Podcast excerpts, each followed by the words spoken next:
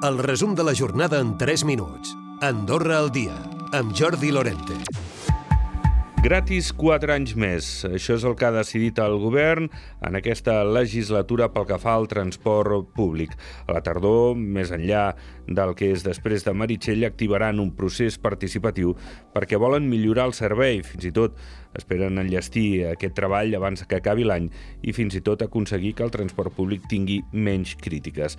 David Fornell, secretari d'Estat de Transició Energètica, Transport i Mobilitat, explicava el per què, alguns d'aquests per què, d'aquesta gratuïtat 4 anys més del transport públic al país. El govern està molt al costat de les famílies, molt al costat del seu poder adquisitiu i més en una època de període inflacionista i pensem que aquesta mesura s'ha de prolongar en, tot aquest, eh, en tota aquesta legislatura. I és que aquest any de servei gratis de l'autobús s'ha aconseguit eh, treure de la xarxa viària 4.000 vehicles privats, una tendència que per al 2030 podria suposar l'estalvi de 8.800 viatges de particulars, amb un estalvi també de 1.500 tones de CO2.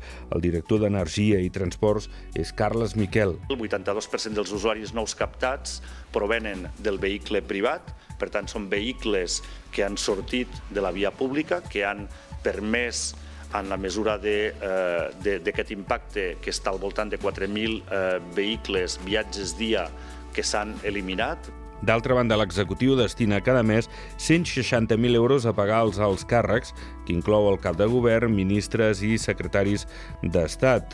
De fet, pel que fa a d'altres càrrecs, en aquest cas els de relació especial, n'hi ha un d'ells que cobra prop de 8.000 euros bruts mensuals.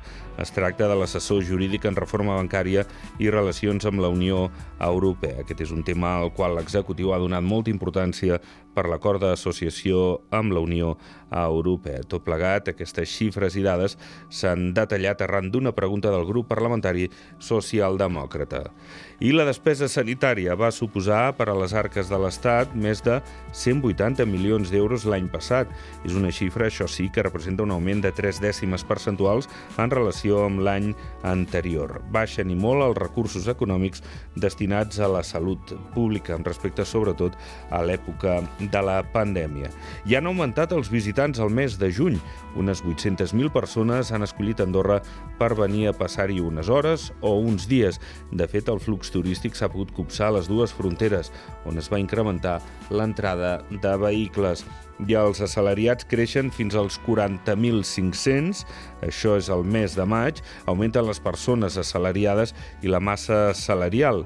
I no s'ha arribat a les xifres esperades, finalment han estat més de 3.000 els residents espanyols que han votat a l'ambaixada en vista a les eleccions generals d'aquest pròxim diumenge.